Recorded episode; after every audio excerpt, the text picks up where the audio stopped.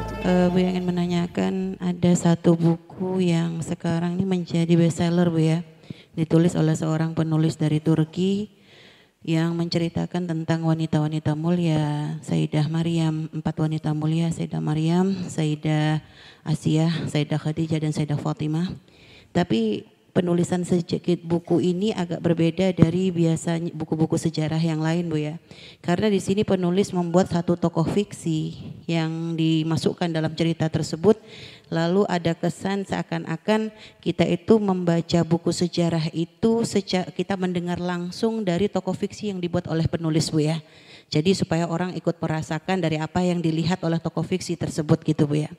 Yang kedua terus dia juga menulis satu buku tentang Sayyidah Aisyah dan menggambarkan tokoh dan dalam penulisan buku tersebut Bu ya membahasakan Sayyidah Aisyah itu dengan bahasa aku. Jadi dia ingin menceritakan seakan-akan kisah sejarah ini adalah uh, dari apa yang dari Sayyidah Aisyah sebagai tokoh utama itu uh, jadi membahasakan bahasa aku. Jadi Sayyidah Aisyah seperti menceritakan tentang dirinya sendiri Bu ya. Nah, penulisan buku sejarah seperti itu apakah diperkenankan dan kalau kita membacanya juga apakah dibolehkan Bu ya? Di dalam penulisan dalam Islam ada rambu-rambu dalam menulis.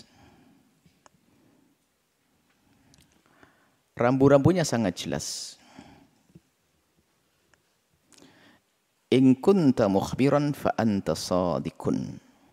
Wa in kunta mudda'iyan fa bil bayyinati. Ini rambu dalam menulis.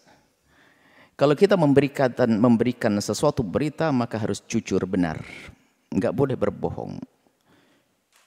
Ini yang nggak ada di dalam metode penulis penulisan di luar Islam. Penulisan penulisan di luar Islam yang penting ada referensinya. Bohong nggak bohong, yang penting saya tidak berbohong, ada referensinya. Kalau kita enggak, lihat. Ilmu diambil dari orang yang benar. Orang yang benar kalau sudah tertuduh dengan kebohongannya nggak bisa diambil bukunya, apa ilmunya. Khususnya berkenaan dengan para sahabat Nabi ada hubungannya dengan hadis Nabi nanti. Maka di sini ada, kalau engkau memberikan berita jujur benar, jangan berbohong. Apakah benar Siti Aisyah ngomong seperti itu? Ayo dari mana sumbermu? Kalau tidak berbohong atas nama sahabat Nabi SAW. Enggak boleh. Biarpun untuk kebaikan enggak boleh kita berbohong. Baik. Kalau kita mengaku maka kita perlu saksi. Baik kita berita saja. Sehingga pemindahan ilmu dalam Islam ada namanya kejujuran penulisan sejarah.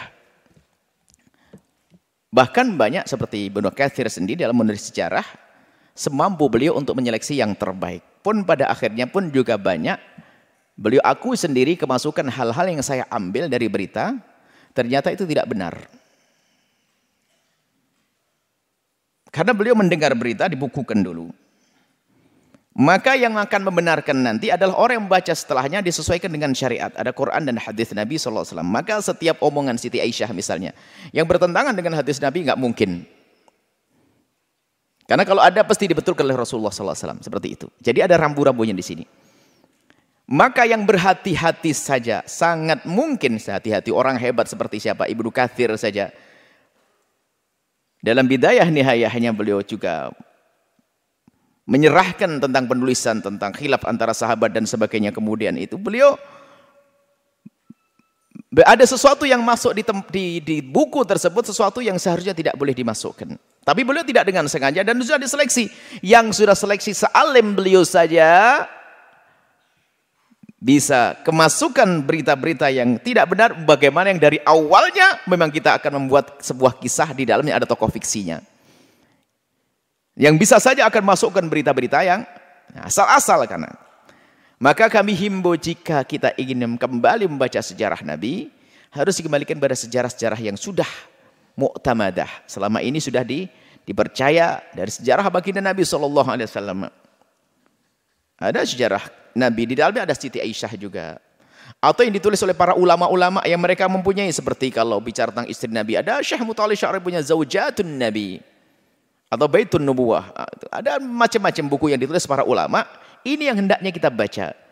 Kemudian di sisi lain, kalau sudah kita biasa dengan sebuah sejarah yang dikemas dalam bentuk novel semacam itu, akhirnya kita samakan secara otomatis wong kita membaca dengan perasaan kok. Akhirnya sudah kayak novel. Ini tokohnya fiksi, novel hayal semua sehingga akhirnya ditepis bahasanya itu adalah seolah-olah Siti Aisyah juga fiksi, kebaikan Aisyah fiksi. Mending kalau Anda ingin buat tokoh fiksi di dalamnya ada tokoh mulia, jangan membuat tokoh sama sekali. Anda buat tokoh? Tokoh siapa? Abul Khair namanya atau siapa? Orang baik misalnya. Siapa begitu? Anda buat cerita yang indah menukil perkataan Sayyidah Aisyah, oke okay, yang semacam itu. Jadi dari sini kami himbau agar Anda pilah dan pilih karena urusannya adalah urusannya ke belakang nanti. Kita akan meyakini yang kita baca itu ilmu atau bukan. Jika kita ambil ilmu dari tempatnya adalah benar. Akan tapi kalau sudah seorang penulis yang tidak diberi latar belakang agama yang benar, dia niatnya baik.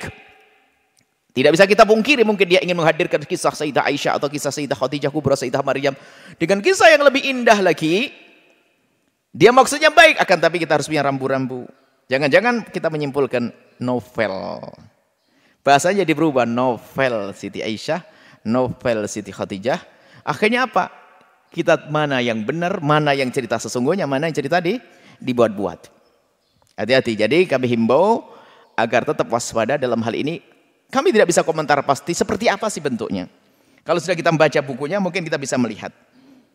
Sekarang membaca buku sejarah dengan nukil riwayat, sehingga penulis sejarah pada zaman dahulu itu tidak langsung cerita begitu, langsung saya meriwayatkan ini dari ini, ini, ini, bahasa saya begini. Saya berarti ini, ini, ini dari begini. Perlu pembuktian kalau itu benar dalam menukil riwayat. Bukan sekedar langsung cerita begitu. Baru setelah itu, dari sirah-sirah itu, diulas lagi oleh orang setelahnya, muncullah sirah-sirah yang saat ini seperti tulis oleh Dr. Muhammad Said Ramadan Al-Buti. Itu adalah titel tamhis, diambil dari buku sejarah sirah yang itu menjadi sebuah buku sejarah yang indah, dimasukkan urusan fikih, tapi tidak ada nisbat yang dusta. Kalau kolat Sayyidah Aisyah, nukilnya di mana? Kolat Sayyidah Khadijah di mana? Berkata Rasulullah di mana? Harus begitu. Bukan bukan fiksi, bukan dimasukkan dalam wilayah fiksi. Jadi himbauan kami adalah waspada dan hati-hati. Kami tidak bisa memastikan boleh atau tidaknya karena tidak tahu seperti apa sih bentuknya. Yang jelas kalau kita membuat tokoh fiksi digabungkan dengan tokoh-tokoh tokoh nyata, maka yang dikhawatirkan adalah tokoh nyatanya akan menjadi kabur sehingga apa? Semuanya dianggap fiksi atau sebaliknya fiksi sendiri dianggap sebagai sebuah kenyataan sehingga apa? Menjadi bermasalah sehingga menokohkan sesuatu yang tidak ada. Dua-duanya adalah tidak baik. Ini saja semoga Allah menjaga kita semuanya dan bisa memilih. Semoga Allah memilihkan kita bacaan yang terbaik. Semoga Allah memilihkan untuk kita guru yang terbaik. Semoga Allah memilihkan kita sahabat yang baik. Semoga Allah memberikan kepada kita ilmu yang manfaat. Allah